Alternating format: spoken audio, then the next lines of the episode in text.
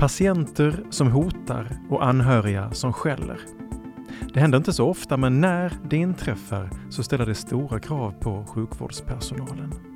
Var går gränsen för hur mycket skit en sjuksköterska eller en läkare måste ta? Finns det lägen när man kan avhysa en patient som kränker och bär sig illa åt? Ja, att sjukvården ska göra allt för att ingen patient ska känna sig kränkt. För detta finns det såklart mängder av regler, lagar och styrdokument. Men vad gäller när det är patienten som kränker vårdpersonal? Detta diskuterar vi i Etikpodden där Region Skånes etikråd lyfter de svåraste frågorna i vården. Det här är podden som tillåter tvivel, som utmanar åsikter och som vill guida dig som lyssnar i konsten att föra nödvändiga etiska samtal. Jag heter Lars Mogensen och jag är journalist och kring bordet här idag har jag Moa Elfström som är HR-specialist vid Skånes universitetssjukhus med fokus på arbetsmiljö. Och vi har Anders Kastor som är barnonkolog och dessutom ledamot av Etiska rådet. Hej och välkomna båda två! Tack! Tack! Hörni, det gjordes ju en medarbetarenkät inom eh, Skånes universitetssjukvård i höstas vill jag minnas. Alltså sjukhusen i både Lund, Malmö, Ystad, Trelleborg och Landskrona. Eh, om vi då talar om kränkningar, eh, Moa, vet vi utifrån den enkäten hur, hur vanligt är det att sjukvårdspersonal upplever sig som verbalt kränkt eller hotad av patienter eller kanske patienters anhöriga? Mm. Jag kan börja med att definiera hur låter frågan. Eh, har du under det senaste året eh, upplevt att du blivit diskriminerad eller trakasserad på din arbetsplats på grund av eh, någon av orsakerna. Och då refererar man ju då till de sju diskrimineringsgrunderna, som vi börjar där. Eh, och ja, den, den förvaltning jag, du och jag Anders representerar, där har 6% uppgivit att man någon gång har upplevt sig diskriminerad eller trakasserad. Mm, är det mycket eller lite? Ja, det är väl 6% för mycket skulle jag säga, mm. eh, naturligtvis. Vad tänker du om den siffran, Anders Kastor? Ja, det är en väldigt bra fråga faktiskt. Den är både hög och låg, tänker jag. Eh, jag håller med Moa om att eh, den är 6% för hög, men samtidigt så tänker jag att sjukvården är en verksamhet där eh, det är mycket känslor, mycket rädsla, mycket frustration, tidsbrist, eh, patienter som är i underläge. Eh, och i en sån miljö att det, att det borde skava så ofta så att det är inte så konstigt om man ibland upplever sig kränkt. Vad kan det vara, vad kan det vara alltså om man, exempel på sådana här situationer där en undersköterska, en sjuksköterska, en fysioterapeut, en läkare, vad det nu är, känner sig kränkt eller hotad. Vad kan det handla om? Finns väl jättemånga olika exempel. Här skulle man väl gå ut och prata med folk. Men det jag har hört bland annat är det kan vara unga kvinnor som känner sig sexuellt trakasserade av patienter, att man får eh, förslag av patienter. Eh, man kanske nämner att jag kommer att söka upp dig efter arbetet. Alltså inslag av sexuell karaktär finns det många kvinnor, eller många, en del kvinnor i alla fall, som ger uttryck för på arbetsplatserna. Mm. Det finns fler exempel. Jag vet att Anders sitter inne med dem också. Ja, då. ja och jag tror att det är, våra utländska kollegor som, som bryter eller som, som inte bryter på svenska språket men som har ett utländskt efternamn. Eh, att det finns patienter som eh, ser ner eller är förklenande eh, mot dem. Eller jag vill träffa en riktig svensk deras... läkare, alltså den sortens uh, attityd. Ja, precis. Ja. Eh, och som på något sätt innebär en mm. kränkning, en, en, en eh, nedvärdering av deras kompetens. Mm. Men eh, du nämnde Moa diskrimineringsgrunderna som är liksom juridiska formuleringar. Men att man bara blir kallad idiot eller får sig en smocka av en, en patient eller Eh, blir kallad inkompetent eller kärring eller vad som helst. Det, det liksom faller inte in, in under de här etnisk diskriminering eller sådär, men, men det borde väl också räknas in i den här skalan? Likväl oacceptabelt beteende, någonting som vi absolut inte vill se i vården, oavsett om det handlar om patienter eller, eller kollegor sinsemellan, så är det ändå ett... Eh, det blir mm. en arbetsmiljöfråga till slut. Mm. Eh, man är på sin arbetsplats och blir kallad för saker. Det tänker jag att vi aldrig kan acceptera. Jag har pratat runt med folk inom, eh, som jobbar på infektionsavdelningar till exempel och även människor som arbetar inom, inom vårdcentraler. Och de, både de som sitter i telefon på vårdcentraler får ju dagligen höra hemska saker för att mm, den som ringer är missnöjd med att man kanske inte blir sjukskriven eller man kanske inte får den tiden som man vill ha precis nu. På infektionsavdelningarna har de covidpatienter som är panikslagna och rädda och slår vilt omkring sig och säger hemska saker. Anhöriga som är frustrerade som du sa Anders.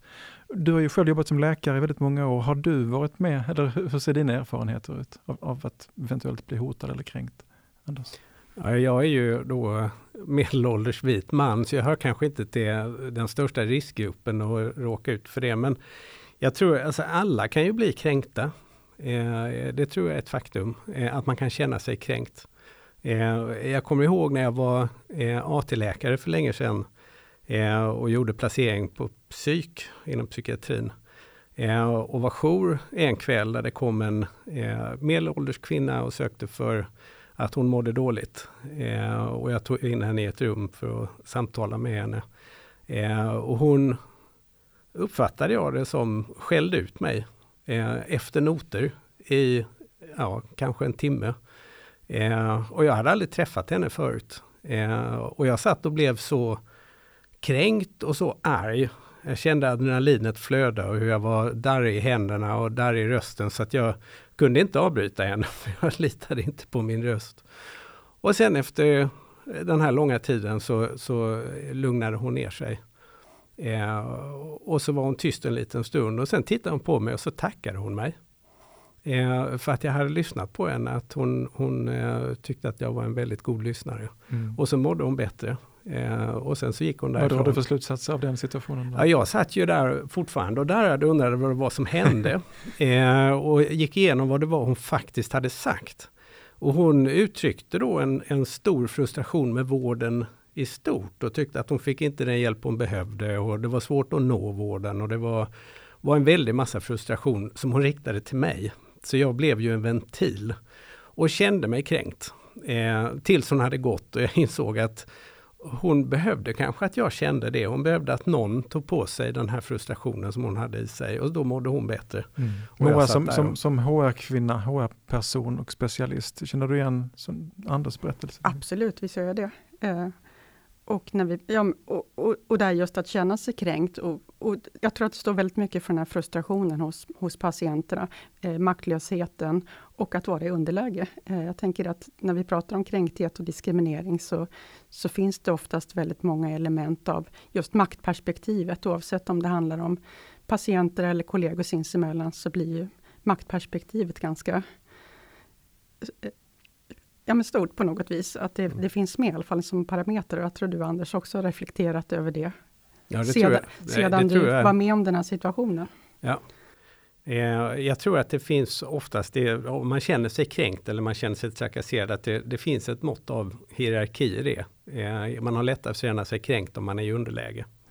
Och patienten är ju på något vis alltid i ett slags underläge i, i sjukvården, eh, vare sig man vill eller ej, eller hur? Ja, fast intressant nog så tror jag ibland att personal också kan känna sig lite i underläge gentemot patienten på det viset att, att eh, mycket personal vet att patienter har ganska långtgående rättigheter i vår patientlagstiftning och vår hälso och sjukvårdslagstiftning. Eh, och där personalen upplever att man har ganska få rättigheter gentemot patienterna. Eh, och en patient som hotar med att gå till tidningarna eller eh, ge sig ut på sociala medier och göra ner en vårdpersonal så kan vårdpersonalen känna att det här kan jag aldrig ge igen. Eh, därför att jag omfattas av en tystnadsplikt om inte annat. Mm. Eh, och på det viset tror jag att även vårdpersonal kan känna sig underläge gentemot patienterna. Jag måste få fråga, ni har nämnt att känna sig kränkt, att känna sig diskriminerad. Du nämnde Moa, diskrimineringsgrunderna som är juridiskt specif specificerade. Men vad är, vad är skillnaden mellan att känna sig kränkt och diskriminerad? Um, Moa? Jag kan ju svara utifrån det arbetsmiljöperspektiv så är det olika lagstiftningar. När vi pratar om kränkthet så är det utifrån arbetsmiljölagstiftningen och föreskriften om organisatorisk och social arbetsmiljö. Pratar jag om diskriminering och de sju diskrimineringsgrunderna så är det ju då är det ju diskrimineringslagen och för att kunna säga att man har varit diskriminerad så måste det ha bäring på de sju diskrimineringsgrunderna. Men det är två skilda lagar och här behöver man hålla tungan rätt i mun ibland när man pratar om de här olika termerna. Mm. Och det finns alltid sl slingriga snår som man kan hamna vilse på i det här. Finns det någon moralisk skillnad då i detta? I att känna sig, uppleva sig som kränkt eller uppleva sig diskriminerad, Anders? Du sitter ju faktiskt i etiska rådet.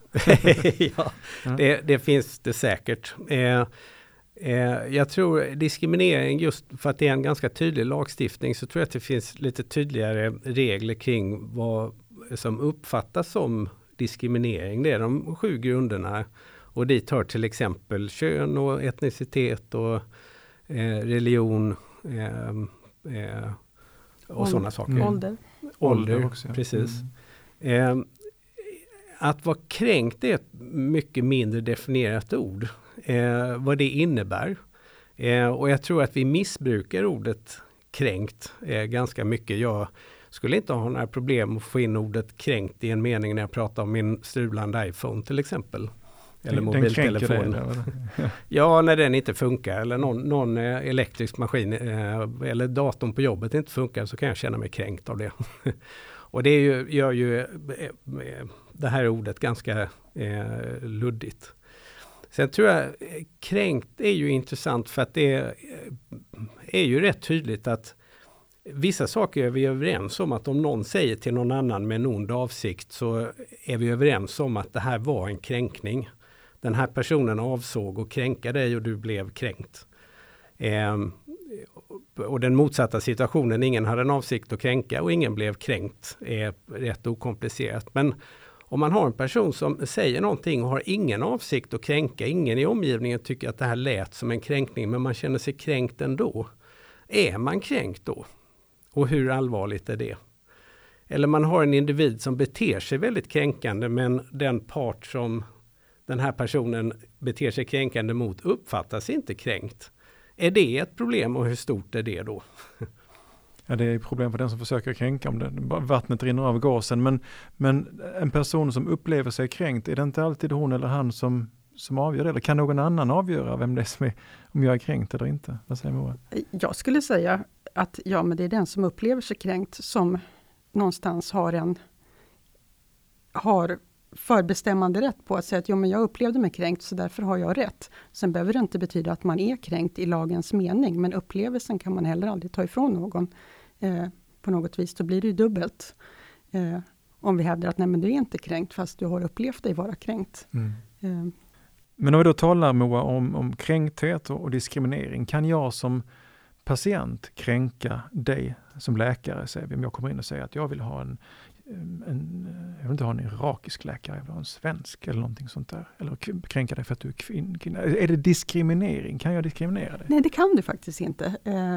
Det, det, kan ändå vara uttryck för något oacceptabelt, men du kan i lagens mening inte diskriminera mig som läkare för att du vill ha en annan läkare av en annan etnisk härkomst. Det är väl snarare arbetsgivarens passivitet, att vi tillåter det, eller att inte agerar på en medarbetare som far illa i ett sånt här sammanhang. Så att om din chef plockar in en annan läkare istället och tillgodoser mitt, mitt krav, då har det skett en diskriminering? Skulle, skulle kunna vara. Eh, eller att jag inte agerar alls. Eller att jag inte, visst ibland kan det finnas fog för att vi switchar läkare eller switchar vårdpersonal. Men att vi liksom, men då behöver man också prata om det tillsammans, varför man har gjort det egna, ena eller andra valet. Det kan ju vara så att medarbetaren som blir utbytt faktiskt behöver bli det av olika skäl för att hen far illa. Men eh, det är när vi är passiva som arbetsgivare och tillåter den här typen av beteenden och bara men spelar, spelar detta någon roll i, i praktiken? Då? Om jag nu kommer här med mitt rasistiska krav eller sexistiska eh, Formellt är det inte jag som kan diskriminera dig tydligen, men spelar det någon roll i praktiken? Egentligen gör det väl inte det, men det är otroligt viktigt ändå att vi är eh, snabbfotade och alerta som arbetsgivare och, och också ibland frågasätter varför vill man ha en annan eh, vårdgivare. Ibland är det missförstånd, ibland är det som du var inne på Anders här, eh, ja, men tank, tanklösa beteenden från patienten eh, av olika skäl. Men ibland behöver man också fråga var, varför vill du ha en, en annan vårdgivare? Vad är det som gör att, att du upplever så här just nu? Istället för att bara väldigt snabbt eh, byta platser på, på vårdgivarna.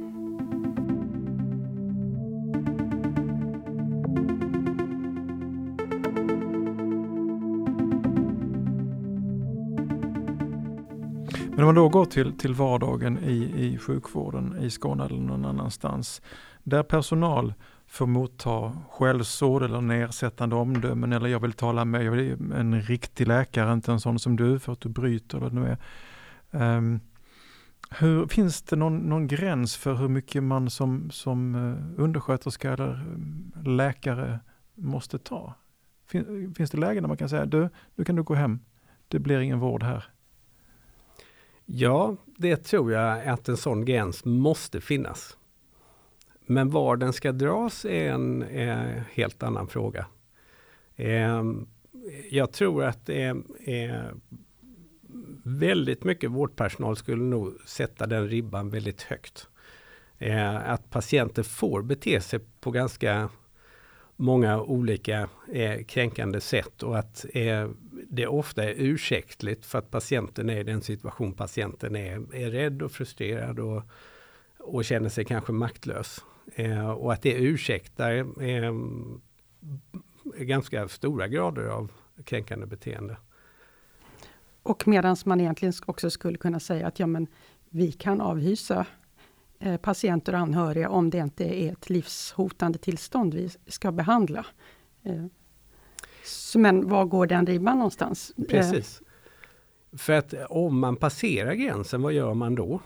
Eh, då kan man ju avhysa patienten eller man kan ett sätt att se på det är ju att all vård är frivillig. Eh, eh, patienten kan avböja vård som erbjuds. Och om detta är vården som erbjuds med den personal som finns på akutmottagningen eller mottagningen eller vårdcentralen var man nu är. Om detta är vad som erbjuds så kan patienten faktiskt frivilligt avböja det. Men det är ju eh, under förutsättning att patienten inte är akut sjuk och att patienten kan råka väldigt illa ut om patienten inte får vård. De jag har talat med på golvet, om vi nu använder det lite flummiga, fåniga begreppet, säger att man lär sig hantera det här. Man får ducka, man får stå ut med ganska mycket. Just som du säger Anders och Moa också, att patienterna kan vara jätterädda, stressade. Liksom inte sig själva riktigt.